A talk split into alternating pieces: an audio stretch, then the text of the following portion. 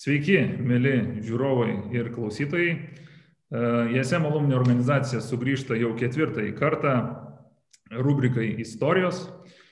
Su jumis ir vėl aš, Niko Mirgulašvili, vienas iš organizacijos bendrai kuriejų ir prezidentas. Ir šiandien mano svečias yra žmogus su labai labai įdomia istorija ir turbūt reiktų sakyti daugiskaita istorijomis, Adomas Klimantas. Sveikas, Adomai. Sveikas, Niko, sveiki, sveiki visi. Klausyk, Adomai, aš, kad tave pristatyti, esu pasirašęs tokį vieną, bet labai ilgą sakinį. Tai aš dabar jį perskaitysiu ir tu man po to pasakyk, ar aš e, kur nors suklydau, e, ar, ar reiktų ką papildyti. Tai dabar klausyk. Adomas Klimantas, Vilniaus licėjaus absolventas, baigė bakalauro ISM, magistrą Oksforde yra e, virusus naikinančių kaukių gaminimo įmonės Uvirezo bendrai kuriejas ir vadovas, laisvų laikų e, dėsto ISM ir kloja, mėgsta piešti istorinius žemėlapius, apart lietuvių ir e, anglų kalbų, šauniai kalba prancūziškai ir mokosi ispanų. Tai va, tik tais pats galiukas. Tik va pats galiukas. tai ispanų visą kitą puikiai. Ispanų nesimokai. Ar, ar ne, aš ispanų pramokau būdamas Meksikai, bet uh, prancūzų jau spėjau pamiršti kitą laiką, tai mhm. man reiktų atnaujinti žinias, tai laisvai nėra, ispanų irgi reiktų atnaujinti. Bet šiaip, nu, žiūrėk, tai 10 balų beveik už užspėjimą. Kaip? Sakau, teisingai viskas. Taip, taip. taip. O, super, labai gerai. Tai mano researchas, kaip čia, atsipirko. Tai klausyk, nu, tai labai labai daug su kuo turim, kuo dirbti ir ne apie ką pakalbėti. Tai nu, nuo, ko, nuo ko mums pradėti, kaip manai? Nuo, nuo nu, licėjus pradėkim ar jau keliaukim prie ISM? Manau, licėjų paliekam čia atskiram podcastui, galima būtų vis tiek ISM podcastas, tai, tai manau, nuo universiteto tikrai galim pradėti. Tai žiūrėk, aš gal, kad licėjus taip nepaliktume, žinai, vis tiek šiek tiek dėmesio Geriausia mokykla Lietuvoje? Nu, jo, jo, aš sakyčiau, kad taip. Nu. Na gerai, aš manau, padėkos tau e, universiteto, kaip čia, valdžia už, už reklamą. E, tai gal... Kevičius, jo, tikrai. Paskambins, sakys Adomai, sveikas, ačiū. Jo, jo, kaip, žinai, švietimo influenceris. Nu. Tai klausyk, tai prie ISM keliaujam. Tai iš karto deklaruokim, kad e, ISM, į ISM mes įstojom e, tais pačiais metais, ar ne, buvom, e, kaip čia, paraleliniai kursiokai turbūt reiktų. Taip, taip, taip. Aš studijavau verslo vadybą ir analitiką, tu ekonomiką. Taip. Mhm. Taip. Kaip prisimeni ekonomikos studijos, studijas? Pas mane jos, tos ekonomikos studijos kaip per pusę perkirstos yra pirmi du metai tokie, kur, nu, nežinau, ten skeptiškai buvo žiūrėta, kodėl čia yra business English, pavyzdžiui, nu tikrai, nu, nu sėdi ir galvoji, kokią velnę jūs mes, mes mokomės paaišyti ir presentation skills. Pusę, taip sakyčiau, pirmi du metai. Antri du metai, super. Ten ir ryšys su dėstytais, ir asmeninis toks jau susiliejimas su ta ekonomika, atradimas savo srities ir, ir išvažiavimas į, į, į kelią link magistro, tai tikrai, nu, vat, pirmi du metai buvo tokie kaip ieškojimo metai, neiškumo metai ir šiek tiek konfuzo metai, antri puikus tikrai į kelią įvažiavimo metai. Tai aš spėju gal dėl to, kad e, dažniausiai juk įsėmė e, pirmi metai būna visiems tokie labiau bendriniai, ar ne? Tiek ten mikroekonomika, vat, business English, ten, man atrodo, kaip ten akademinių darbų rašymas, jo, buvo. Global, ten Principles of Economics, tokie. A, jo, tas tai buvo geras. Jo. Jo, jo, tai čia logiška, kiek žinau, visose universitetuose yra tas, dabar ISM truputėlį nukirto tą pusmetį ir ta ekonomikos programa per pusę sutrumpėjo per, per pusmetį, ne per pusę. Jo, tai, tai aš manau, jie, na kaip pasakyti, suefektyvino visą programą. Aš tikrai negaliu pasakyti, kad aš gailiuosi išmetęs tuos metus.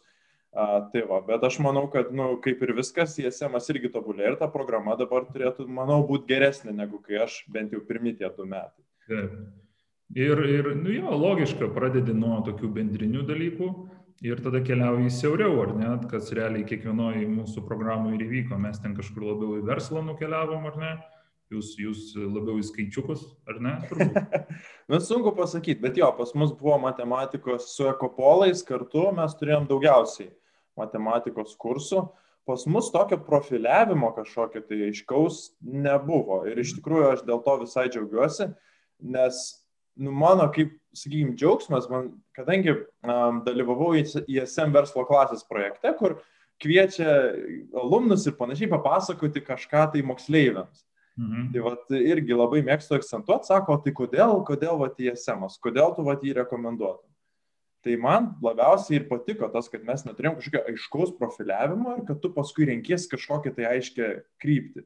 Aš pats galėjau pasirinkti ir aš pasirinkau skaičiuoti istorinius BVP duomenis.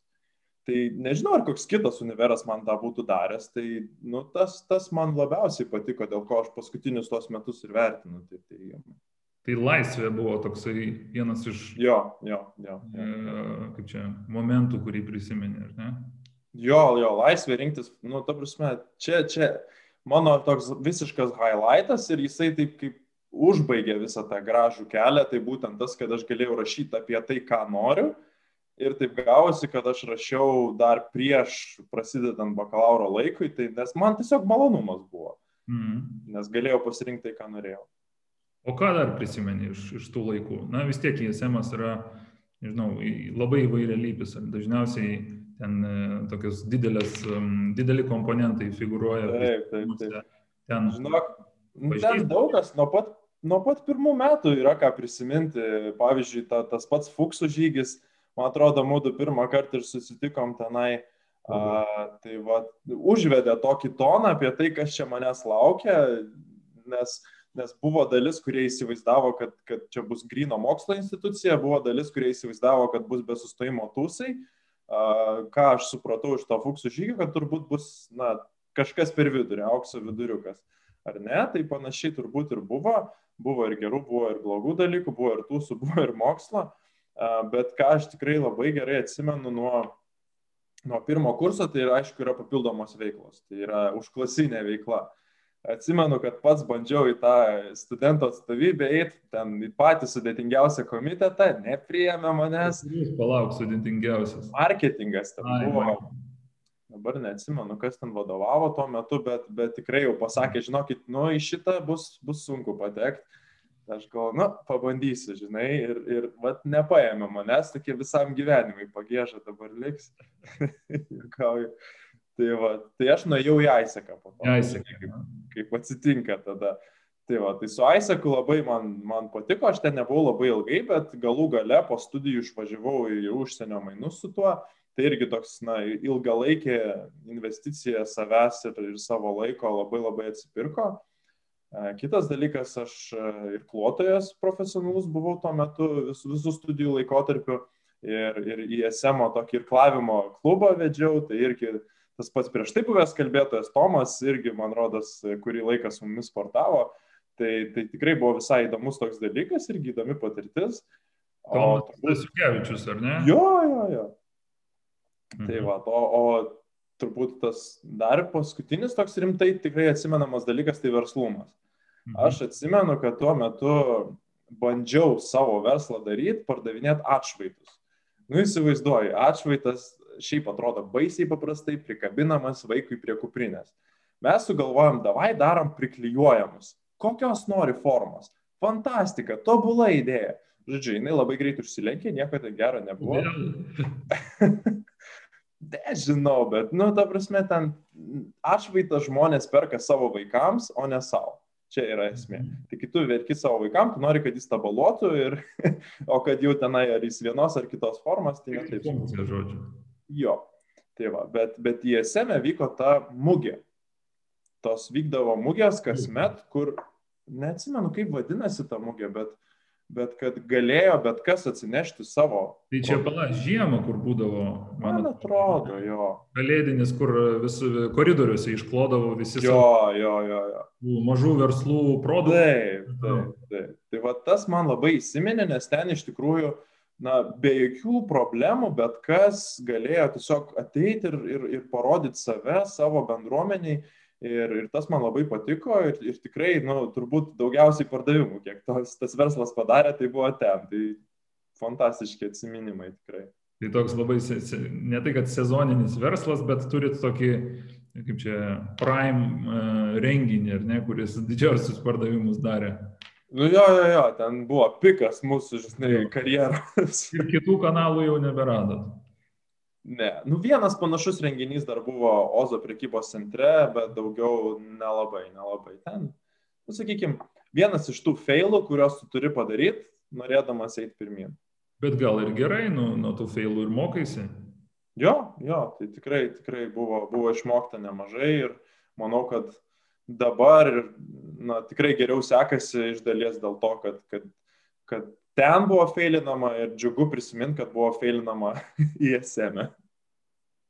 Na, da, jo, dažniausiai ta, visi tą ir akcentuoja, kad ISM, čia mes labai, man atrodo, daug kartų ISM paminėsim tokiame kontekste, lyg mes čia mums mokėtų už reklamą, bet mes jį girsim, man atrodo, taip gausis neretai. Ne bet e, vis tiek turbūt nemažai tų galimybių suteikia mums ir pasireikšti, ir klysti, ir susipažinti, ir tiesiog, vad kaip prieš tai minėjai, žinai, laisvės.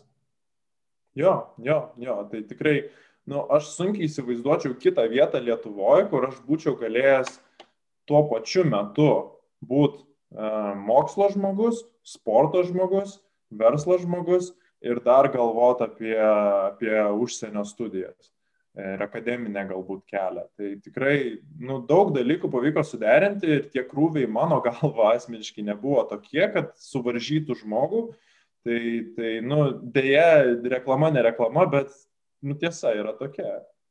Ne, ne, nebuvo kaip filmuose, žinai, kur ten dieną naktį studijuoja, dažniausiai vat, filmai apie teisininkus, kur būna, ne, ar serialai apie teisininkus, kur studijuoja dieną naktį, ten nebuvo taip.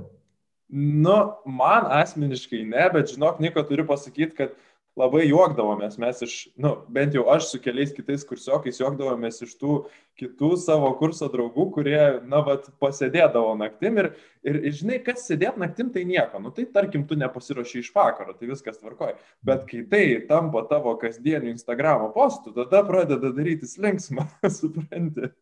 Tai yeah. va to biški buvo iš kitų.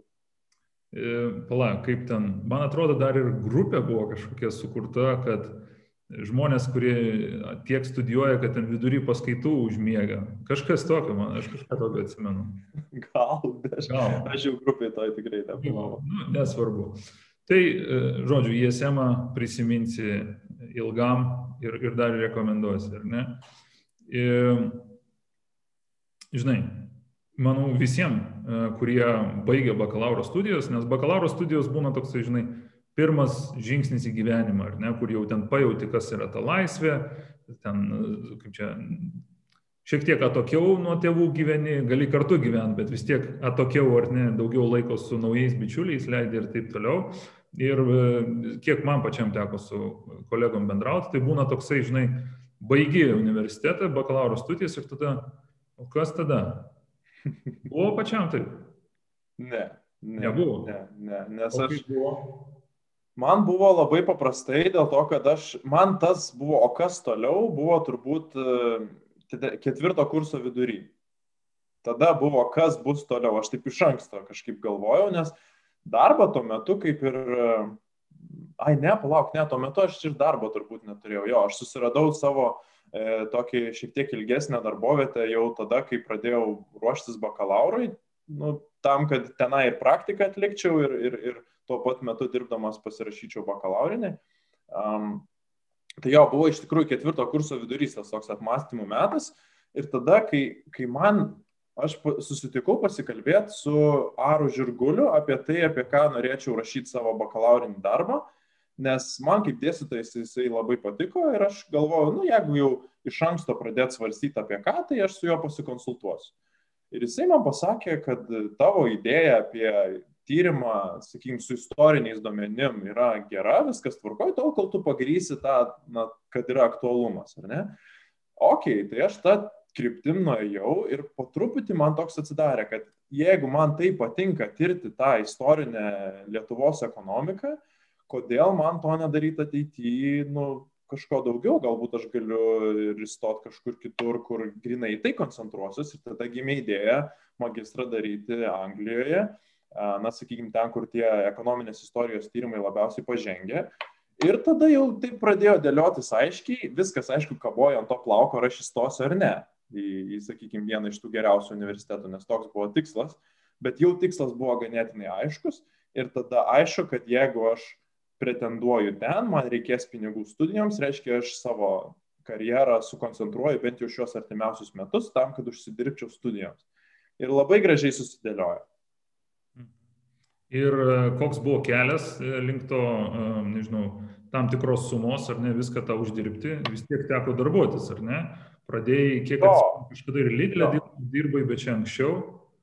Li, li, jo, Lidlė buvo, buvo. Lidlė tai iš tikrųjų irgi ISM, ISM dėka mano kursiokė parekomendavo, tada sako, domai, mums reikia žmonių, aš nuėjau ir tuo metu dirbau tuo kainų tikrintoju. Žiūrėjau, pats mėgstamiausias žmogus parduotuviai, kur ateina į kitą parduotuvę. Fiziškai, fiziškai, kur tik žinai. Jo, jo. Wow. Tai tu ateini ir į Meką ir, ir vaikštai ten su to telefonu. Ar į Lidlą? Tai aš buvau Lidlo darbuotojas, Ai, einantis pas konkurentus, Ai. tam, kad surašinėtų įvairių kainų krepšelius. Wow. Nu, tai tu įsivaizduoji, koks mėgstamas aš būdavau, kai mane pamatydavo apsauga. Tai tikrai nebuvo laimingiausi žmonės. Bet o geras etapas. Kaip yra įstatymiškai? Nu, jie, jie gali paprašyti tavęs išeiti, aš mm, jiems ne, nemalonu. Ne, ne. Nu, negali. Europos Sąjungos e, įstatymus tai yra visiškai leistinas dalykas ir bet kas turi teisę eiti ir žiūrinėti, rašinėti kainą. Nu, nes tai vieša informacija. Nu, ar, Taip. ar palauk, ar, ar, ar vieša, nes na, teritorija tai ne vieša techniškai. Jo, bet niekas nedraudžia, tarkim, klientui niekas nedraudžia ateiti ir pasimti Lidlo miltų etiketės ir ją nurašinėti savo telefoną, nes aš noriu įsitikinti sudėtis kokia yra. A, geras. Tai lygiai taip pat ir kainos. Geras. Ir e, tada turbūt kažkada atsirado ten kainos 24 ir visi tie tinklapiai, ne, kurie palengvino tau darbą. Ar... Nu, problema ta, kad jie visko nerodo. Nu, pavyzdžiui, mes dalį dalykų barborai, kaip ir būtume galėję patikrinti, ar ne? Bet barborai nėra visų tų kainų ir ypač ne visada buvo, nes tuo metu labai pradėjo populiarėti tos privačios etiketės. Ar ne, mhm. pavyzdžiui, optima linija arba cento ir panašiai, tai pri, privačios etiketės, o būtent Lidlas yra privačių etikečių prekių ženklas. Ten beveik nieko nerasi, kas yra, tarkim, originalu. Tai, tai jie norėjo būtent, kad aš tikrinčiau tas prekes, ar ne? Tai jų barborai net iki šiol ne visada viską ras. Mhm. Tai jau reikėjo važiuoti ir tikrinti. Tai kaip prisimeni tą darbą? Užknisantis ar toks labiau daug insighto duoda? Matai, Niko, kai tu esi antram kurse ir tau suteikia tarnybinę mašiną, tai tu Oho. skustis nelabai gali. Oho, antram kursė tarnybinis automobilis. Jo, jo, jo. Man atrodo, viskas ten gerai su to darbu buvo. Jo, jo, jo, tikrai tam kartui buvo gerai, bet aš, kadangi sportavau, tai labai trumpai, aš ten pusmetį padirbau ir supratau, kad nesuderinsiu aš visko mhm. tam kartui. Tai grįžau, grįžau į sportą profesionalų ir tik tai jau ketvirtam kurse susiradau jau kelių metų perspektyvai savo darbą, tai buvau um, Baltic Assisto um, plėtros, plėtros irgi iš pradžių vadybininkas, paskui vadovas. Tai va, tai ten, ten jau buvo mano tikra tarptautinė pardaviminė patirtis ir, ir iš tikrųjų ten ir atėjo tas na, lėšų kickstartas mano studijams. Galų gale man pavyko susirinkti didžiąją dalį lėšų stipendijų formą, kadangi ir Lietuvos valdžia dabar labai remia tuos studentus, kurie išvažiuoja į topinius universitetus. Tai čia irgi, kas jeigu klausosi ir galvoja, tai tikrai labai verta, verta aplikuoti. Um, tai va, plus licėjaus alumni mane parėmė ir dar aš per crowdfundingą susirinkau tų pinigų. Tai man... Kompanija, taip. Jo, tai va, gavosi, kad aš tų savo pinigų daug labai neturėjau investuoti, bet ruoždamasis tam aš nežinojau, ar aš gausiu stipendijas, tai tikrai mhm. buvo dirbama dėl, dėl labai iškaus tikslo. Geras. Aš, aš atsimenu, aš irgi berots kažkiek e, teko, teko prisidėti, bet čia taip, prie, prie kampanijos crowdfundingo. Taip, taip. Man atrodo, aš... tas yra labai gražu. Ir, Jo, ir vėlgi, žinai, e, O aš tai atsimenu, Niko, aš tau išsiunčiau paskui dovanų žemėlapį ar ne? ne, nežinau, žinok. Nežinai, nu, vat, nes aš buvau pažadėjęs visiems, kad išsiųsiu ir tikrai siunčiau, bet vat, e, Man atrodo, žinok, svarbiausia čia yra, kad ir kaip banaliai tai skambėtų, bet man atrodo svarbiausia dalintis. Aš manau, e, na, jeigu ir pats pamatytum, kad kažkas daro kampaniją, kad išvyktų į Oksfordą ar ten, O, dar, tai manau, tikrai taip, taip, taip pat pasielgtum, šimtų procentų. nes, na, tokios galimybės ne kasdien pasitaiko ir, na, žinai, aš manau, mes ir tą ir savo bendruomenį, DSM ir apskritai, žinai, kaip mažesnės valstybės piliečiai, aš jau kalbu tiek Lietuvos ir dar asmeniškai ir Sakartvelo, tai, e, tai man atrodo, tiesiog turim vieni kitiem padėti ir, ir, ir vis tiek mes laimėsim iš to, ar ne? Taip. Ir žinok, kas įdomu, kad tikrai netu vienas iš ISM alumnų ar net dėstytojų mane paremė. Aš jų pavardėm negaliu vardinti, čia konfidencialu, bet, bet tikrai, nu, tos paramos buvo daug. Aš labai labai tuo didžiuojuosi. Ir labai gerai. Ir, ir reikia ir didžiuotis, ir džiaugtis. Tai, tai vat, iš kampanijos atėjo lėšos, ar ne? Atėjo lėšos iš, e, kaip čia, iš darbo, ar ne? Baltika Siste, iš visokių fondų ar organizacijų. Ir ką? Ir viskas, tikslas pasiektas, keliaujam. Į kur keliaujam? Tai į Oksfordo universitetą, tai aš, aš iš tikrųjų buvau į visus tos tris topinius aplikavęs. Tai Kembridžas mane iš karto atmetė. Iš karto buvo toks, o, nu viskas, dabar viskas čia per niek.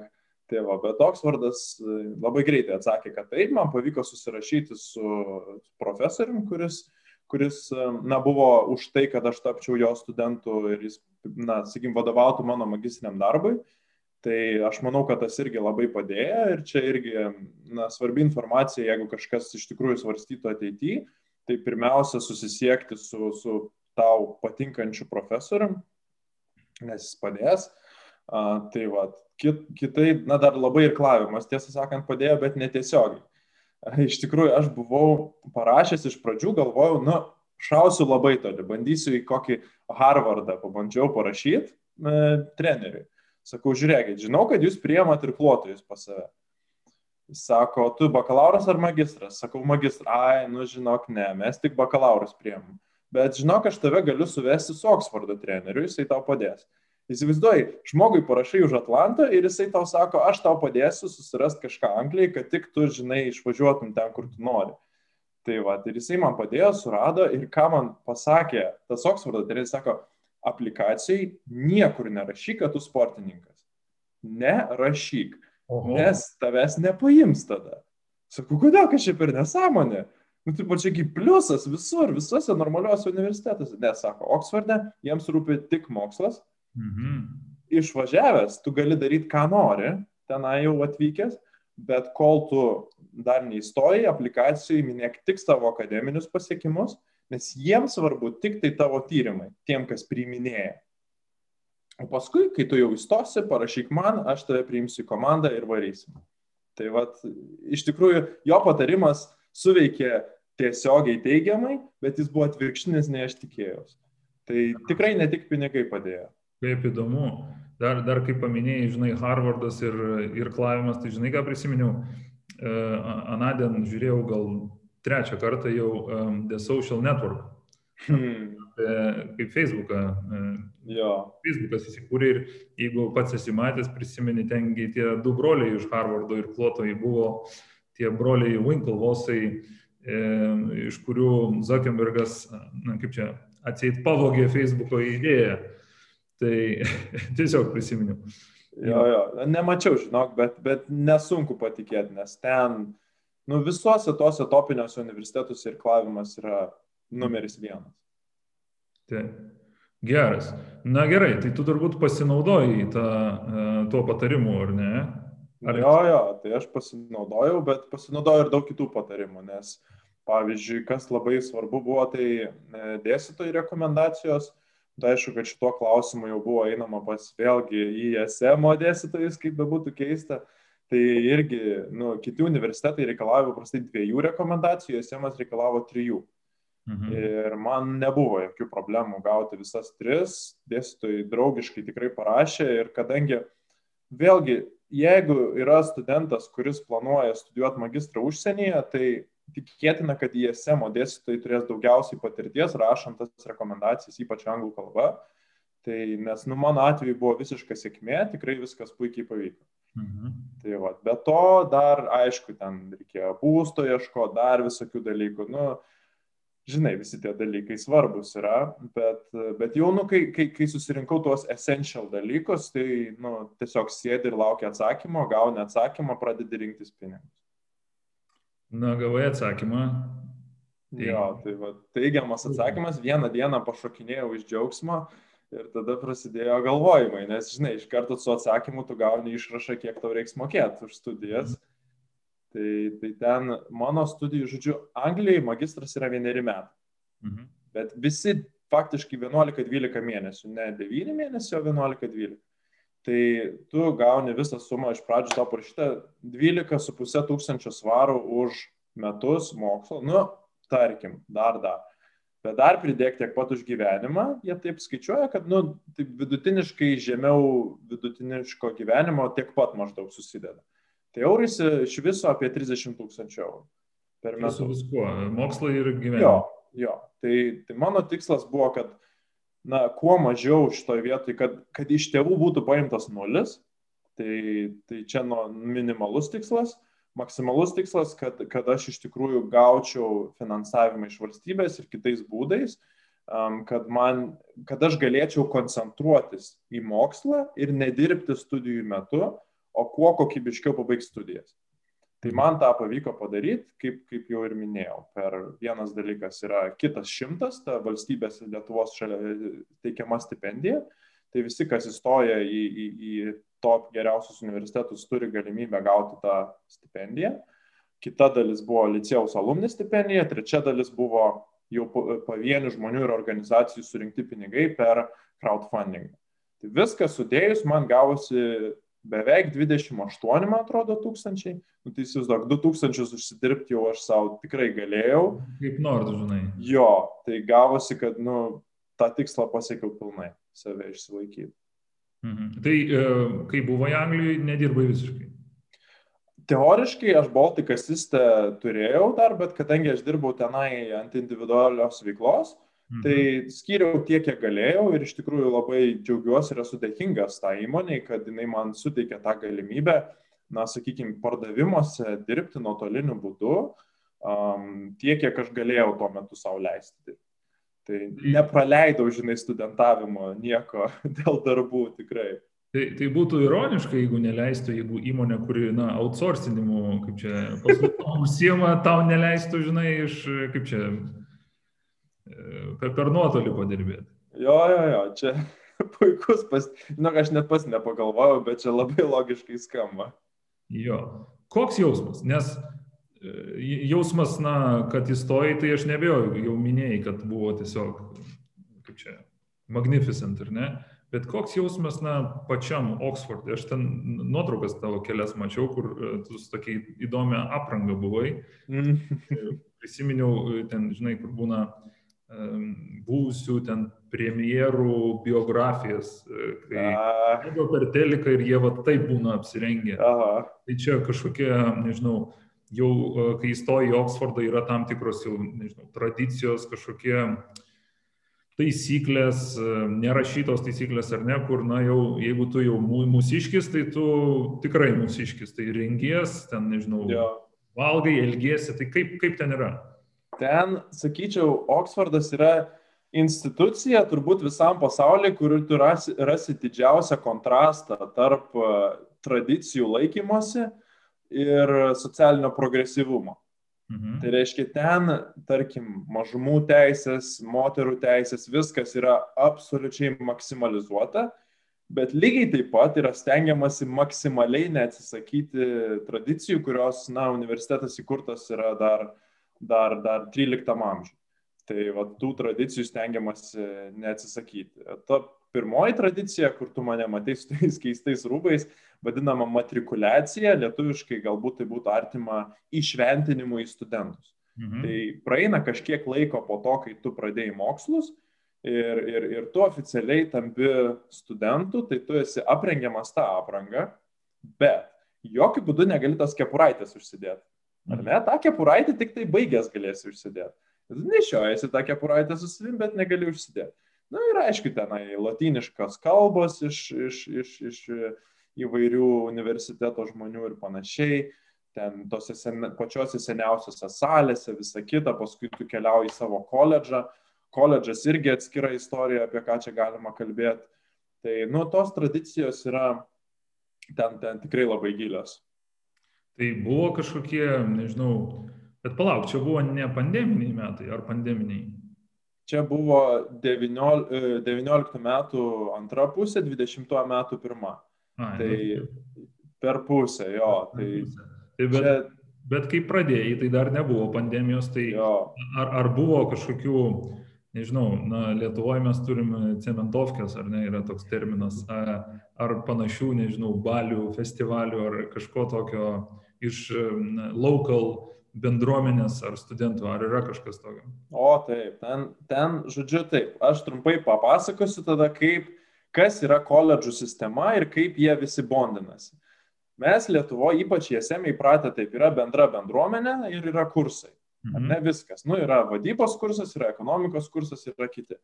Ten yra visiškai kitaip. Pirmas dalykas, studentų yra daug daugiau, jeigu neklysiu, ten keliolika tūkstančių per metus įstoja. Jeigu kas yra skaitę Harry Potterį lengviau supras, kas nėra skaitę sunkiau supras, bet ten yra koledžų sistema, reiškia, tu įstojęs esi kaip priskiriamas į vieną iš 50, jeigu neklystų koledžų. Koledžas yra tavo namai. Jie turi savo pastatus, jie turi savo valgyklą, jie turi savo bufetą, jie turi savo biblioteką, bet nebūtinai ten tau vyks paskaitos. Kaip ir Harry Potteryje, tu gali paskaitas eiti su klastunynu, tu gali paskaitas eiti su grifu gušta, bet grįši nakvoti, grįši valgyti, grįši būti su draugais savo, savo atskiram koledže. Tai lygiai taip pat ir Oksforde, tik tai jų yra ne keturi, o jų yra keliasdešimt. Tai va, tai, tai pats koledžas, jo tikslas yra paversti kiekvieną studentą šeimos dalimi ir kiekvieną penktadienį jie dar, darydavo bondingo vakarus. Kiekvieną penktadienį. Ir jeigu tu neini, tu jau gauni iš draugų žinutės, kas yra, kodėl tavęs nėra, mes čia laukiam, bla bla bla. Jeigu tu ateini, nu, iš karto jau jie traukia ir pradžiai toks nenatūralus bendravimas yra, o tai ką tu čia studijuoji, ką čia ką, nu, žinai, tas, tas smoltokas, kaip visada, bet po truputį, po truputį surandi savo žmonės ir, ir esminis pliusas yra tas, kad per tos bondingo vakarus tu sutiksi žmonės, kurie studijuoja visiškai skirtingus dalykus. Nes jie surinkti yra į koledžą nepriklausomai nuo to, ką tu studijuoji. Visiškai random sumest. Tai iš tos pusės, nu, kontaktų kiekis, kurį aš ten suradau žmonių įvairiausių, tai yra, nu, nepalyginamas. Tai tokios cementovkės, kur būtų, na, nusilakama, tai aš juose nebuvau, bet, na, ma, sakant, dalyvavau, bet nenusilakiau. Bet Britai, tai, nu, čia jau atskira istorija. Aš nežinau, kiek mes norim gilintis į, į Britų gerimą. Tai, tai, žinai, gal e, nenuklyskim į tą, kaip čia, alkoholio vartojimą. Ja Dar, dar po to, žinai, mūsų laidą e, uždarys ar kažką sugalvos už reklamą. Ta valdžia gal neuždarys, bet. Tai, nu, žinai, e, užprotestuos kas nors. Bet, žinai, judant toliau, labai įdomu iš tikrųjų, nes mes, mes Lietuvoje maždaug visi iš vieni, vieni kitų, žinai, girdim, kokios tos čia pas mus tradicijos būna, bet, na, Oksfordas yra jau kitas levelis, ar ne? Tai iš e, tokių mm, tradicijų ar kažkokių vat, initiation momentų, ar, ar yra kažkokie, nežinau, žinai, kur būna, kur reikia, nežinau, kažkaip tai pasiaukot vardan buvimo ten, ar ne, ar, ar, ar, ar kažką, nežinau, suvalgyti, kažką išgerti, kažkur, nežinau, nubėgti, kažkiek, žinai apie ką kalbu. Jo, jo, jo, suprantu. Ten buvo, sakykime, dvi patirtis buvo esminės iš jų vieną man pavyko patirti, kitą nepavyko, nes prasidėjo pandemija. Mhm. Tai jeigu trumpai apie tą, kur pandemija, tai yra vadinami koledžų balls, baliai tokie. Vėlgi, jeigu atsimenant Harry Potterio ketvirtą dalį, kurie visi šoka tenai, ar ne, tai pa, kažkas tokio. Koledžas prisikviečia pačių garsiausių pasaulyje muzikos grupių, pasistato atrakcionų parką vidury savo universiteto teritorijos ir privažiuoja ten žmonių iš, nu, iš viso universiteto, ten tūkstančiais gali būti, gali pasimti vieną draugą, Tai aš buvau pakvietęs savo, savo gerą draugą iš Londono, jis jau buvo irgi nusipirkęs bilietus ir na, prasidėjo pandemija. Tai, va, tai be šito išvažiuoti iš universiteto nu, būtų labai apmaudu, bet aš tikiuosi, kad jie suteiks galimybę dar ten sudalyvauti. Tai va, o ta patirtis, kuri man pavyko, tai buvo uh, ir klavimo klubų, toks irgi kaip ne initiation, bet jie vadindavo tai, na vos ne taip kaip kas savaitiniu susibėgimu, bet tai tokio keistumo dalykas, nu niekaip nepagalvotum, kad čia, nu didžiausi moksliukai pasaulyje tai daro. Jie išsinuomodavo kas savaitę arba kas dvi savaitės kažkokį tai prastą tailandiečių restoraną, ar ten indo ar tailandiečių, visą restoraną išsinuomodavo grinai ir klotojams, prisikviesdavo iš visų koledžų ten krūvą tų ir klotojų ir tiesiog žaisdavo gerimo žaidimą taip, kad tu prisirenki per visą savaitę, renki kuo daugiau tų rudų pinigėlių, tai yra penys, tų, na, britiškų centų, ar ne pačių smulkiausių. Ir tavo tikslas yra pataikyti kiekvienam į gėrimą. Ir kai tu pataikai, na, aišku, tas turi dauninti tą gėrimą, pabaigti iki galo. Ir pongas. Nu, panašiai, tik tai tu su karalienė žaidži. Ir ten kažkaip yra, kad, kad tu negali palikti karalienės ant dugno. Ar ne? Tai jeigu karalienė, tai moneta, jos vienos pusės yra karalienė, jeigu jinai krinta į tavo stiklinę, nu tai jinai guli dugne. Tai reiškia, tu turi viską išgerti ir išimti tą karalienę, nes nu jie mhm. negalima gulėti dugne. Ir ten, nu kas tik nori, ten visokie skanduotės ir panašiai, kažkas kažką pasako ir tada visi turi um, palysti po stalu ir tas, kuris paskutinis nespėja, tas turi ten dar kažką tai daryti. Mhm. Nu, žodžiu, linksmybė, linksmybės ir kas įdomiausia, kad tai vykdavo tiesiog kiekvieną arba kas antrą savaitę visus metus sportiškiausiai bendruomeniai.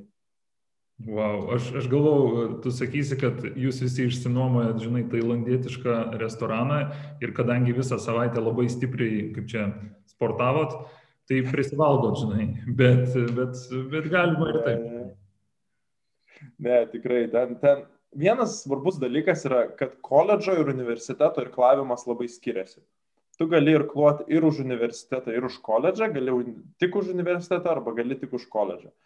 Tai va, tai jeigu tu esi susijęs su koledžo irklavimu, tai tu turbūt daugiau e, linksminsies negu sportuosi. Mhm. Jeigu tu esi susijęs su universiteto irklavimu, tada tu beveik nesilinksminsi ir tik sportuosi. Tai va, tai aš iš pradžių buvau universiteto irklavime, supratau, kad aš nepavešiu tenai, supratau, kad aš atvažiavau vis dėlto nesportuoti, o patirti visą kompleksą tų patirčių, kuriuos universitetas siūlo. Tai aš perėjau į koledžą ir tą irklavimą, nu, tai ten buvo, buvo linksma tikrai. Tai kaip prisiminsi, nu, vat, praeis 10, 20, 30 metų, atsisuksi atgal, kaip prisiminsi Oksfordą? Aš labai tikiuosi apskritai, kad man jį pavyks prisiminti aktyviai, tai yra susitinkant su tais ypač ir klavimo žmonėms, su kuriais, su kuriais bendravau tada, tai čia būtų topinis dalykas.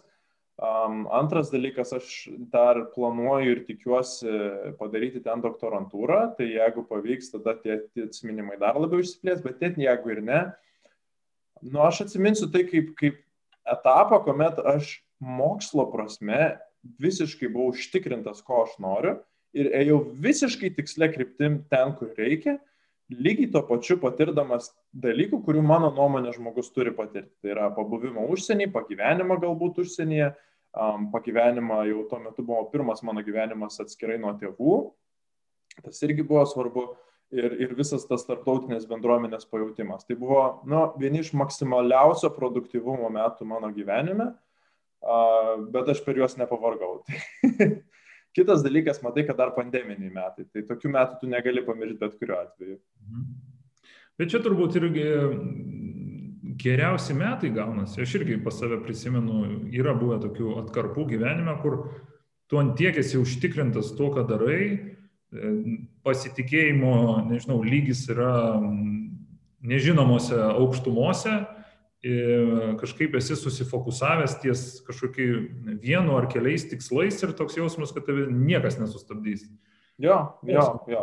Čia šitie pusę metų galėtų būti taip apibūdinti. Nes paskui prasidėjo pandemija, aš iškart parlėkiau į Lietuvą, kai jinai prasidėjo, na, kai pas mus karantiną jau įvedė, tai aš dieną prieš pargrįžau ir tada viskas apsivertė aukštinkojam, prasidėjo hakatonai ir visa kita, kitos idėjos ir, ir, ir ten susijaukė. Bet iki tol tai buvo tikrai labai užtikrintas laikas. Galvojau, sakysi, prasidėjo Netflixo žiūrėjimas, bitos į namus.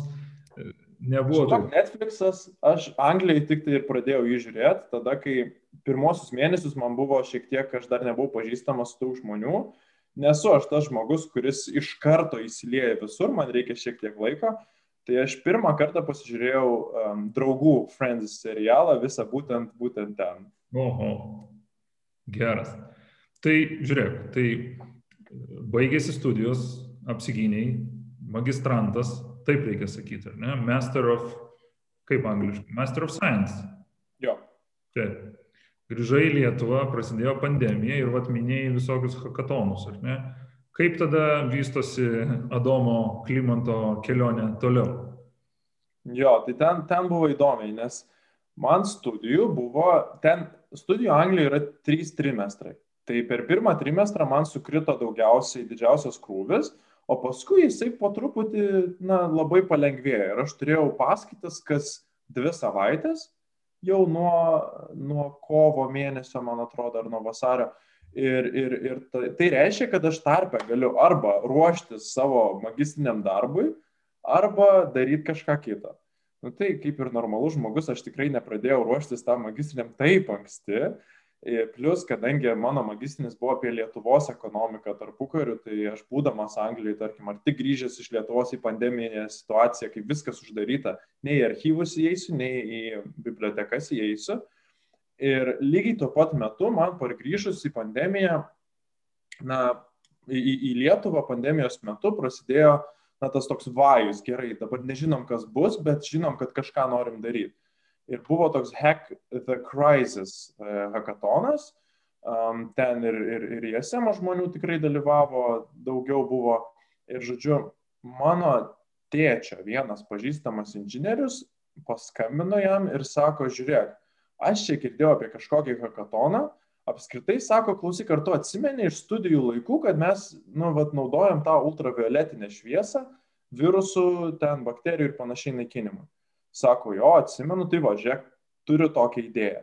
Panaudokim šitą ir sukurkim respiratorių kaukę, kuri naikintų COVID. -ą. Iš principo, žmogus užsideda tą kaukę ir jisai niekam nepavojingas, jis pats yra visiškai saugus. Tai su ta idėja mes sudalyvavom hackathone, ją išplėtėm um, ir, ir, ir per mėnesį laiko atsirado įmonė, atsirado valstybės finansavimas ir, ir, ir praktiškai per metus laiko jau ir pardavimai prasidėjo. Tai iš tikrųjų per tą pavasarį viskas apsivertė aukštyn kojom, bet ne tiek, kad aš iškrišiau iš magistro. Tai aš jį pabaigiau sėkmingai, rezultatas geras, viskas tvarkoj. Tuo metu, magistro metu buvo biški sustoję vasarą tas, tas tie verslo reikalai trumpam, bet iš principo viską pavyko suderinti. Mhm. O jeigu tęsiant ties, ties vat, verslu, ar ne, kuris susikūrė iš hakatono, tai e, aš kaip suprantu, ne tik nuo COVID apsaugo, ar ne, jeigu mes kalbam e, iš vis apie bakterijas, kurios ateityje gali atsirasti, taip, taip, taip. žinom, kad atsiras, čia apskritai turbūt tas ultravioletas, tokia idėja buvo, ar ne? Jo, iš tikrųjų apie ultravioletą aš kadangi kalbu su klientais kiekvieną dieną, tai aš dabar galiu pasiruošti ir tiesiog papasakot, kaip veikia ultravioletas. Um, tai va, vienas dalykas, esi ir pats tikrai susidūręs su ultravioletu kiekvieną dieną, šviečia saulė, ne? Um, bet dažnai manęs klausia, sako, tu žiūrėkit, kodėl dabar yra, kad ultravioletas, pavyzdžiui, Brazilijoje, nu tikrai saulės yra daugiau nei Lietuvoje, kodėl ten žmonės tiek serga? Ar ne? Tai esmė tokia, kad ultravioletas jisai turi, jisai yra na, tam tikro bangos ilgio šviesa ir tam tikro ultravioletinės šviesos dar spektro intarpas yra labai labai um, veiksmingas prieš mikroorganizmus. Kaip jisai tą padaro, tai tam tikro bangos, siauro bangos ilgio, 254 nanometrų bangos ilgio šviesa jinai prasiskverbia keurai pro bet kurio mikroorganizmo vienaląsčio apvalkalėlį ir patenka iki pat brandolio. Ir jeigu atsimeni, buvo tokie iš biologijos tos um, genetinės struktūros - RNR arba DNR grandinės tokios gražios, ar ne? Jos visos yra sukabintos tokiais pagaliukais, vadinamais monomerais. Viena ir kita dalis ir gaunasi tokia graži grandinė kaip geležinkelio bėgis, ar ne? Tai ultravioletas jis prasiskverbęs tenais suardo, atkabina tos monomerus ir juos vienoje arba kitoje pusėje sukabina tarpusavyje ir suardo tą genetinę grandinę ir žinom, ir žmogui tas būtų mirtis, ir bet kam kitam tai būtų mirtis. Joks mikroorganizmas, kurio genetinė struktūra yra suardyta, tai yra RNR arba DNR grandinė, jeigu pakankamai ten tų suardymų atsiranda, jis tampa nebeaktyvus, ar tai būtų virusas, ar tai būtų bakterija, ar tai būtų pelėsa patogenas, ar tai būtų bet koks e, apskritai mikroorganizmas, tai jisai tampa nebeaktyvus. Tai tiek COVID, tiek gripo, tiek tuberkuliozės, tiek e, maistinių bakterijų atžvilgių, tai ultravioletas yra viena iš veiksmingiausių priemonių sterilizuoti tiek aplinkai, tiek e, paviršiams. Tai čia turbūt idealiausias sprendimas gaunasi dėl to, kad tu investuoji ne į pasiekmes, o į prevenciją. Taip gaunasi, ar ne? Jeigu tu... Mm, jo, čia, čia geras pastebėjimas. Um, iš tikrųjų, daugeliu atveju tai yra in, investavimas jo į prevenciją iš anksto. Jeigu imsim patalpas, tai ultravioletas vienintelė yra, na, sakykim, ultravioletinės dezinfekcijos įranga, jinai vienintelė gali užtikrinti, kad, tarkim, ten, kur tu sėdi dabar, jeigu aplink tave sėdėtų penki žmonės, kad būtų patalpa dezinfekuojama kiekvieną akimirką. Mhm. Jeigu tu paimsi valytoją, jinai tikrai neteis ir nepurkš kiekvieną akimirką tau esant. Jeigu tu paimsi rūko generatorių, lygiai tas pats, tu turėsi išeiti iš kambario, kad mhm. jisai būtų atlikta ta dezinfekcija, nes kitaip visas aplipsi dezinfekcinių skyščių. Jeigu tai bus ozonavimas, tai dar blogiau, nes tada tau į plaučius pateks ozonas ir, ir, ir, ir tau bus labai blogai nuo to. Mhm. Ultravioletas, jisai nieko tokio kenksmingo žmogui nedaro, tai reiškia, kiekvieną akimirką patalpa tampa saugesnė. Mhm. Lygiai taip pat yra ir su produkcijos, tarkim, dirbam labai su mėsos pramonė, nes gal teko girdėti apie salmonelės bakterijas, ar ne, tai, tai, tai yra didelė problema mėsos pramonėje, mes, mes tas labai sėkmingai spręsti galime. Mhm. Tai e, čia yra netgi ne kažkoks konkretus produktas, bet principas, ar ne, kažkoks sprendimų paketas, ar ne? Ką jūs jo, čia, mes labai irgi labai tą akcentuojam tarpusavį, kad daug kas klauso, tai čia, taigi aš galiu nueiti į, į Alibabą, juk ten įvesi UV lempą ir tikrai man kažką išmes. Mhm. Tai, na, taip, čia yra tiesa, bet kas gali bet ką dabar Alibabą susirasti. Mes ateinam kaip, na, patyrusių inžinierių komanda. Tai aš pats esu plėtros vadovas ir, ir generalinis direktorius, bet su manim kartu dirba krūvą patyrusių inžinierių, kai kurie su daktaro laipsniais fizikos technologijose. Tai yra žmonės, kurie visą savo gyvenimą dirba su šviesos technologijomis, jas išmano nuo A iki Z. Tai su tokiais žmonėmis dirbant, tu gali kalbėti ne tik apie konkrečią įrangą, bet tu gali kalbėti apie labai abstrakčius sprendimus. Mums gali paskambinti bet kas ir sakytų, žiūrėkit, mes turim pelėsi, kuris tiesiog kaupės kažkur, mes nieko nežinom, kaip mums jį išnaikinti. Duokit mums savaitę ir mes sutvarkysim. Oho, čia labai rimtas e, marketinginis statementas. Tai, tai galite atsakyti už savo žodžius. O, visiškai, absoliučiai taip. Tai nes, nu, suprantate, mes nuo pat pradžių dirbam ne kaip, sakykime, tiesiog serviso kažkoks į startupas, kas irgi yra tvarkoj, bet mes negalėtume sauliaisti to daryti, kadangi dirbant su tokia technologija, tu turi turėti kompetencijas, tu turi turėti hardware mhm. ir, ir tu turi turėti galimybę patikrinti tą sprendimą. Ir, ir jeigu tu, na, softverą gali patikrinti turėdamas gana gerus programuotojus, tai šito tu nepatikrinsi be laboratorijų. Mes dirbam labai aktyviai su gamtos tyrimų centru, su kitomis laboratorijomis. Tai yra nuo pat pradžių vyksta aktyvi kooperacija su mokslo institucijomis tam, kad mes siūlydami sprendimą būtume tikri, jog jisai yra tinkamas, jisai yra nekenksmingas ir jisai yra patvirtintas, įrodytas. Mhm. Ir iš tų sprendimų, kuriuos jūs turit, jeigu pereiti prie tų, kurie, na, aktualiausiai mums kaip paprastiems, žinai, piliečiam, tai jūs kaukės darot, ar ne? Tai kaukė iš tikrųjų yra vienas iš, iš projektų, tai yra pats pirmas, kurį mes gavom kaip valstybės užsakymą. Tai tai yra itin aukšto sudėtingumo technologinis projektas, tai yra kaukė, kurią žmogus užsidėtų kaip bet kokį paprastą respiratorių, tačiau jinai būtų sujungta su ultravioletinė spinduliuotė sistema ir tokiu atveju oras, kurį iškvepiam prieš patekdamas į aplinką, jisai būtų dezinfekuojamas ir išmetamas švarus. Mūsų įtraukiamas oras iš aplinkos lygiai taip pat įtraukiamas būtų švarus. Tai šitas projektas vis dar tęsiasi. Kada jisai bus prekyboje, aš pažadėti negaliu. Uh, tai, tai čia yra, nu, čia yra, sakykim, pats sudėtingiausias iš tų projektų. Jeigu kalbėt apie labai, na, sakykime, lengvai suvokiamus dalykus, ypač B2B rinkai, tai, tai mes kalbėtume apie patalpų automatinę dezinfekciją. Tai ypač gal teko girdėti, kad kai kurios kontoros, ypač teisinės kontoros Lietuvoje, jos turėjo išimti, kad karantino metu jie turėjo galimybę turėti fizinius susitikimus. Mhm. Ar ne? Bet jie labai, nu gerai, mes galim turėti juos, bet mes norim apsisaugoti, kad būtume saugus tuo metu. Tai jie buvo vieni iš pirmųjų mūsų klientų, kurie iš tikrųjų įvertino ir, ir pasinaudojo tuo, kad, žodžiu, meeting rūmose pas juos būtų įranga, kuri tiesiog prasideda susitikimas, įjungiam ir viso susitikimo metu aplinka yra dezinfekuojama, baigėsi susitikimas, galim išjungti. Ramu. Ir tikimybė, kad kažkas iš, iš išorės atėjęs partneris, tarkime, ar, ar konsultantas, ar bet kas, atneš mūsų personalui virusą, ar tai būtų COVID, ar tai būtų gripas, nesvarbu, sumažėja per pusę. Tai tie, kas tą supranta ir mato, ganėtinai aiškiai supranta šito reikalo naudą. Ir tas yra sveika. Tai neturi kažkokių nežinau, šalutinių poveikių organizmui, kuris na, nuolat yra ekspausinamas. Taip, taip. Visi, visi šito klausia tikrai ir aš labai mėgstu, aišku, pajokauti, visada sakau, nu, tai mes solariumo pas jūs neplanuojam daryti, vis tiek ultravioleto netam naudojam. Einamas pirmas juokelis. Kaip? Sakau, tikiu, kad einamas juokelis.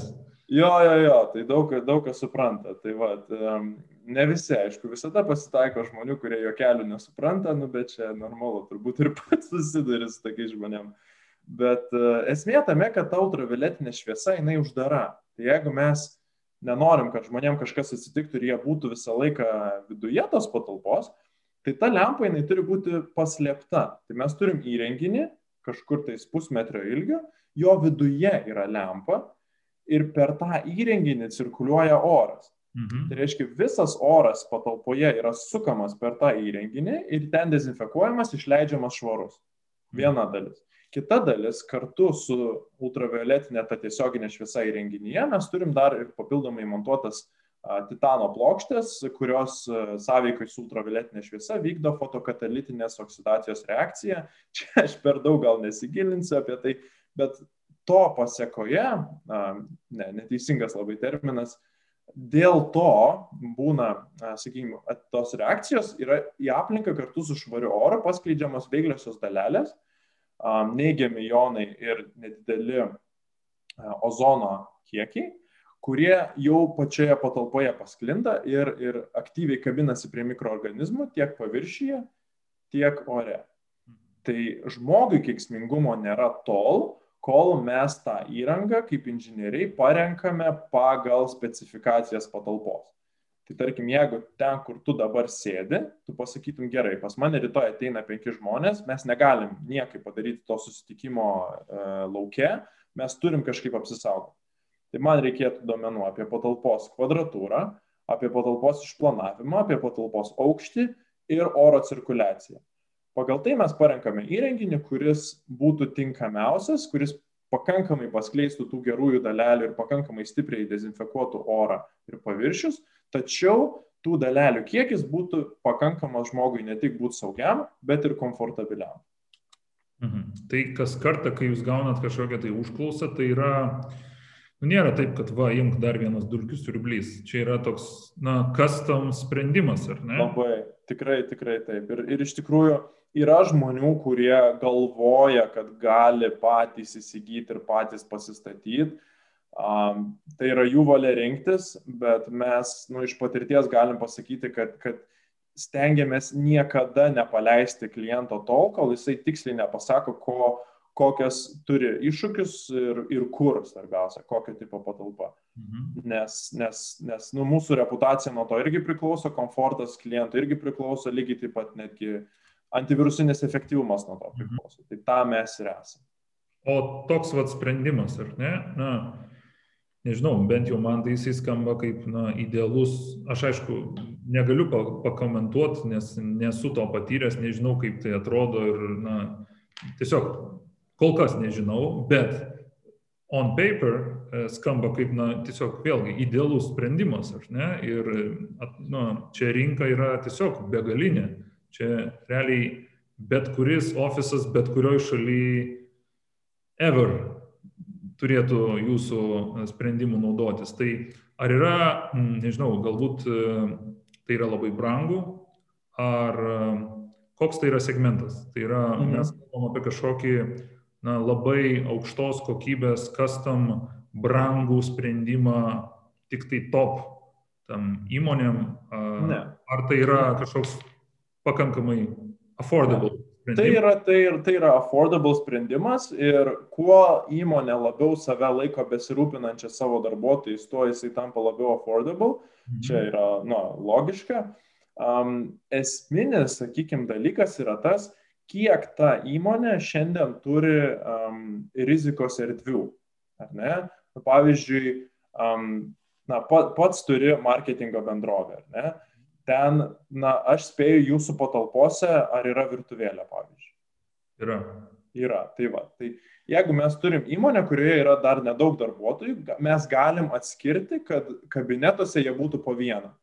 Ir mūsų tikslas nėra įstatyti tą įrangą į kiekvieną kabinetą tam, kad visą laiką tas būtų dezinfekuojamas oras, jeigu žmogus vienas. Nu, tikrai neverta jam dezinfekuoti patalpos, kur jisai per visą dieną sėdės tik tai vienas. Mhm. Bet virtuvėlė, kur žmonės tikrai nenešioja kaukių, būkim atviri, jie nori pavalgyti, jie nori pasikalbėti, jie liečiasi, Ir jie nebūna po vieną tenai, gana retai. Net jeigu būna po vieną, po penkių minučių ateis kitas ir tas oras tikrai nespės pasimaišyti natūraliai. Tai ne visos įmonės turi tas kertines erdves, kur iš tikrųjų reikia tos dezinfekcijos, vienas dalykas, ypač jeigu tai yra nuomotos patalpos ir shared, sakykime, vieta, tai tada jau reikėtų, reikia dažniausiai kalbame su owneriu, na, savininku erdvės. Kitas dalykas, kad labai daug įmonių dar neplanuoja grįžti. Jos ganėtinai saugiai jaučiasi dirbdamos iš namų, e, tarkim, su vienu degaliniu tinklu neseniai kalbėjom ir, ir, ir jie sako taip, jeigu jūs sutvarkysit mums pačių degalinių problemą, viskas tvarkoja. Bet su biurais mes palauksim, nes mes kuo puikiausiai dirbam iš namų ir dabar net nematom prasmės grįžti į, į biurus. Bet kitos įmonės, jos kaip tik sako, darbuotojai nori grįžti į biurus, kad tik greičiau mes galėtume grįžti. Tai tokie yra idealiausi klientai nes jie iš tikrųjų padarys viską, kad e, tie darbuotojai galėtų grįžti į biurus ir kad grįžę į biurus jie būtų maksimaliai saugus. Tai tokių įmonių irgi yra. Tai, na žinai, čia kinta visą laiką tas požiūris priklausomai nuo COVID statistikos ir nuo vyriausybės sprendimų. Tai taip gaunasi, kad e, jūsų įmonės, e, kaip čia pagrindiniai priešai yra ar bus pandemija, ar nebus ir ar žmonės persikelti, dirbti namo, ar, ar, ar visgi ofisus? Mūsų apskritai priešų nėra, nes, kaip sakiau, mes gal taip neužengtantavau, bet mes aišku, kad nuo pat pradžių žiūrim į tai, kad na, pandemija vienai par kitaip baigsis. Tai vienas dalykas, kad ta įranga, apie kurią aš taip smarkiai čia kalbėjau, jinai veikia ne tik prieš COVID ir e, net jeigu kalbam apie COVID, tai jinai veiks prieš visas atmainas. Mhm. E, vakcinacija, pavyzdžiui, aš rytoj kaip dėstytojas gaunu savo vakciną, viskas tvarkoja. Super, man labai džiugu, bet aš žinau, kad ta vakcina, kurią aš gausiu, prieš Pietų Afrikos variantą nelabai veiksminga. Mhm. Ultravioletas šiuo atveju nediskriminuoja. Jis žudo viską, visus mikroorganizmus. Tai reiškia, jeigu mes turim gripą, jeigu mes turim COVID kitą atmainą, tai yra ilgalaikis sprendimas ir tai nepriklauso nuo šios ar kitos pandemijos. Vienas dalykas. Antras dalykas, kad, kaip minėjau, jeigu kalbant apie kitokias pramonės rušis, kur yra ilgametės problemos nesusijusios su pandemija, ar tai būtų pelėsis, ar tai būtų maistas ir taip toliau, tai mes einam į tą, tuos rinkos segmentus, kurie nepriklauso nuo pandemijos ir šioje vietoje mes priešų net nelabai suraščiau, kokiu turim. Tai va, esminis priešas yra neiškumas. Jeigu visi žinotų, kad rytoj bus tokie tokie atlaisvinimai ir kreivė kris va taip, tai būtų daug paprasčiau bendrauti. Dabar, kai, kai iš tikrųjų yra neiškumai, tai aš suprantu tuos potencialius klientus, kurie dar šiek tiek dėlsi šiandien. Tai kai gal prieš dešimt minučių, kai e, aš pirmą kartą paklausiau apie tavo, tavo įmonę, ar ne, sakai, kad, na, pasiruoškit, aš čia su klientais kasdien bendrauju šią, temą, tai, žinok, aš taip ir pasijaučiau, nes, na, visus nuogastavimus, visus kažkokius vadinamus objections, na, jau, jau žinai, kaip atsakyti ir, ir tas yra labai gerai, nes, na, e, turbūt kuriant tam tikras, na, inovatyves ar paslaugas, ar sprendimus, na, ta komunikacija ir gebėjimas paaiškinti, e, kas yra gerai, kas yra blogai, kodėl taip yra, nu, turbūt taip, taip, vienas taip. iš svarbiausių pardavimo elementų. Nes, na, taip. Ne viskas yra iš pirmo žvilgsnio aišku, ar ne? Jo, jo, tikrai ir, ir pačiam juk nebuvo aišku iš pat pradžių. Tai juolab visiems klientam, faktas. Tai aš galvoju, gal žinai, e, kadangi YouTube šitas video bus įdėtas, aš sakysiu, žiūrėkit, tai jūs tiesiog pasižiūrėkit šitą nuorodą, ką man čia jums kažką pasakot klientam čiuk čiuk, pasiskaitot ir mes kalbam apie dalykus. Nu, žiūrėk, nu tikras pardavėjas. O jų peržiūros. Labai gerai, mes, mes tikrai pasidžiaugsim, jeigu padaugės pas mus klaidos kanalų. Jo. Klausyk, Adomai, einant prie pabaigos, aš dar vieną temą labai taip konkrečiai noriu apžvelgti. Tai tą, ką tik paminėjai, dėl ko ir vakcinuosias dėstytojas mes, na, po Vilnių baigiam tais pačiais metais, ar ne? Dėstysi ar dėstai jau tam pačiam mūsų alma mater, ar ne? Jo, jo, jo. Tai čia, čia labai smagu iš tikrųjų, kad aš tik tai tada, kai įstojau, nes, nu, pradėkime nuo to, kad ta specialybė, kur aš įstojau magistrą, jinai tikrai yra labai akademinė. Jinai vadinasi uh, um, Master of Science in Economic and Social History. Tai yra ekonominės ir socialinės istorijos magistras. Tai yra labai akademinė specialybė ir dėl to nuo pat pradžių, na, taikim, Tadas Šarapovas, ekonomikos programos vadovas, iš karto man ir pasakė, Domai, žiūrėk, tu renkiesi tokį kelią, kuris nėra atsiejamas nuo vienokio ar kitokio susidurimo su akademija, ar tau būtų aktualu dėstyti į esame. Nu, turbūt pakankamai aišku, kad aš atsakiau taip, tikrai aktualu, bet, nu, leiskit man studijas pasibaigti. Sako, taip, viskas ok. Ir baigėsi studijos ir jau tada, tik pabaigus studijas, aš turėjau pasiūlymą iš, iš, iš Tado pradėti dėstyti studentams. Uh, tuo metu aš neturėjau tos galimybės dėl to, kad startupas tik tai pradėjo suktis. Uh, Um, tai va, bet man labai atėjo įdomus pasiūlymas iš Laurino Puidoko, tai irgi vienas iš JSM alumnų ir, ir, ir dabar organizuojantis um, projektą, kuriame reedukuoja um, mokytojus, parengia mokytojus, kurie iki šiol mokyklose mokino ekonomikos, tačiau neturi ekonominio išsilavinimo. Ar tai būtų anglų kalbos mokytoja, ar tai būtų istorijos mokytojas. Jie galbūt Palauk, kaip čia, kaip čia gaunasi? Mokė ekonomikos, neturėdami ekonomikos išslavinimo. Taip, Lietuvoje Lietuvoj yra tas trūkumas. Yra labai daug mokyklų, kur ekonomikos mokytojų paprasčiausiai nėra. Pedagogų grinai, kurie specializuotųsi ekonomikoje. Mhm. Ganėtinai logiška, nes na, sovietmečių ekonomikai diktavo valdžia ir niekas ne, ne, nesvarstė tokio dalyko, kad reikėtų mokinius mokinti tokių dalykų. Kitas dalykas, kad jeigu kažkas kažko ir mokinosi sovietmečių, tai buvo visai kitokia ekonomika, negu mes. Nu, tai planė, ne, tai penkiem metam gaminsim. Būtent, būtent. Tai, tai yra projektas, kiek aš žinau, jisai ganėtinai smarkiai remiamas yra ES, tai yra perkvalifikuoti ekonomikos mokytojus, kad jie, na, taptų tikrai puikiais ekonomikos mokytojais, net jeigu pradinis pedagoginis jų išsilavinimas yra visai kita pusė. Ir labai džiugu girdėti, kad būtent ISM, tai yra, na, Lietuvoje turbūt ekonomikos moksluose numeris vienas institucija, apsėmė tą projektą vykdyti. Tai jie pasikvietė mane dėstyti vieną iš kursų ir aš labai labai labai labai džiaugiuosi, kad jie man leido pasirinkti, na, sakykime, adaptuoti, sukurti kursą pagal tai, kas man atrodo akademiškai reikalinga. Tai aš būtent dėstau Europos ekonominės istorijos kursą Tai yra tiem mokytojams suteikiu žinias apie tai, kokia buvo Europos ekonominė raida nuo pramonės perversmo XIX amžiui iki pat šiandien, iki garsiųjų naktinių reformų 2008 metai ir panašiai. Tai tokį gana platų vaizdą apie Europos raidą, įskaitant ir socializmą, įskaitant ir, ir, ir, ir dešinį ekstremizmą, jų tipo ekonomiką ir įskaitant taip pat Lietuvos raidą. Tai jie pamatė, kad tas kursas turėtų mokytėjams būti naudingas, aš tikrai visiškai su to sutinku.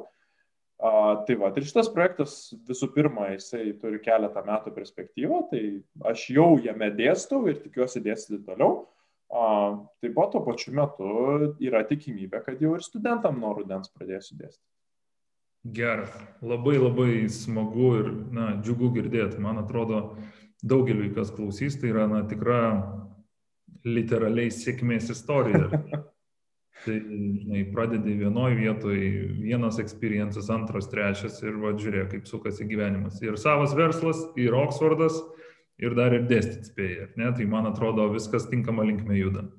Viskas juda tikrai tinkama linkme. Žinai, Niko, kas įdomu, kad, kad tai va dabar aš pagalvojau, kiek iš tikrųjų viso šito tiek va tavo su manim pokalbis, tiek, tiek visi šitie reikalai yra susiję su tuo, kas įvyko per keturis bakalauro metus.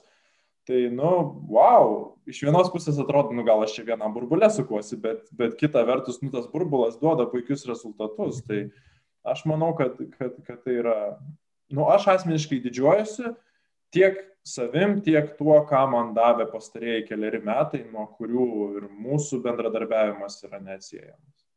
Tai taip ir reiktų daryti, reiktų didžiuotis ir žiūrėti į priekį.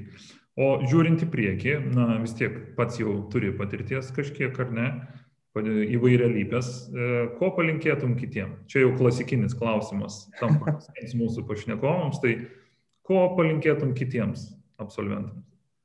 Mm, na, mano palinkėjimas, sakyčiau, iš dviejų pusių būtų. Viena pusė tai labai paprasta, ypač tie, kurie galbūt yra paskutinėse kursuose universiteto, galbūt ką tik pabaigė, vienaip ar kitaip išvažiuokit į užsienį, pabūkit ten, pamatykit ir, ir, ir geriau būtų pabūti šiek tiek ilgiau, nes taip suprasit ne tik tai, ko galbūt norit gyvenime, bet visų pirma, kur norit gyvenime. Būdamas Anglijoje, aš supratau, kad nenoriu gyventi Anglijoje. Būdamas Meksikoje, aš supratau, kad galbūt smagu būtų pagyventi Meksikoje ilgiau, bet galų gale aš noriu gyventi normaliai civilizuotoj valstybei. Tai gavosi taip, kad viskas susidėjo į tai, kad aš dabar net neabejoju, kur mano gyvenimas bus kūriamas. Ir, ir tai šimtų procentų tą man davė patirtis užsienyje. Tai užsienyje pabūti, kurį laiką visiems, visiems rekomenduoju. Um, tai va, to galbūt bendresnis toks patarimas, tai iš tikrųjų uh, rinktis na, vietą, kur tu turėsi savo laisvę. Aš rinkdamasis į SM nežinojau, kad turėsiu tokią laisvę, bet man pasisekė, aš labai džiaugiuosi, kad iš esmės tas sprendimas um, rašyti bakalaurą apie ekonominę istoriją, ta laisvė rinkti savo tikrai norimą temą, jinai na, ganėtinai apsprendė bent pusę mano gyvenimo kelio iki šiol ir turbūt, kad uh, maždaug tiek pat jinai apspręs ateityje, nes nei dėstyti aš nesiuošiu sustoti, nei gilintis į tą ekonominę istoriją nesiuošiu sustoti. Tai, tai tikrai, na, ta išnaudojimas laisvės rinktis turėjo labai labai labai didelį, um, didelį pliusą ir, ir, ir netgi Oksfordas, sakykime, kai žmonės, na, dažnai jie plaukia, kol pasirinks savo kelią, kol pabaigs studijas, aš jau iš karto žinau, grįžtu, turiu galimybę eiti į savo verslą ir aš tą galimybę įimu. Tai turbūt, kad, na, tą iššūkdė būtent ta laisvės patirtis anksčiau. Na, labai labai gražia nata gavosi mūsų čia pabaiga. Tai, Adomai, ačiū labai, kad skiriai laiko, man atrodo tikrai ne vieną istoriją mes iš tavęs išgirdom ir tikiu, kad klausantiems ar žiūrintiems bus įdomu. Aš tiem patiems klausantiems arba žiūrintiems priminsiu, kad na, mes su ISM alumni organizacija ir toliau e, vystysim šią rubriką ir kviesim vis daugiau ir daugiau alumnų pasipasakot. Ir, na, sekite mus socialiniuose tinkluose, informuosim apie naujus E, įrašus apie naujus svečius ir na, plėsim ir informuosim apie mūsų plačią ir kompetitingą bendruomenį ir toliau. Tai ačiū Jums labai, kad prisijungėt. Ačiū tau, Adomai. Ir ačiū, iki... kad pakvietai. Viso. Iki, iki visiems, iki.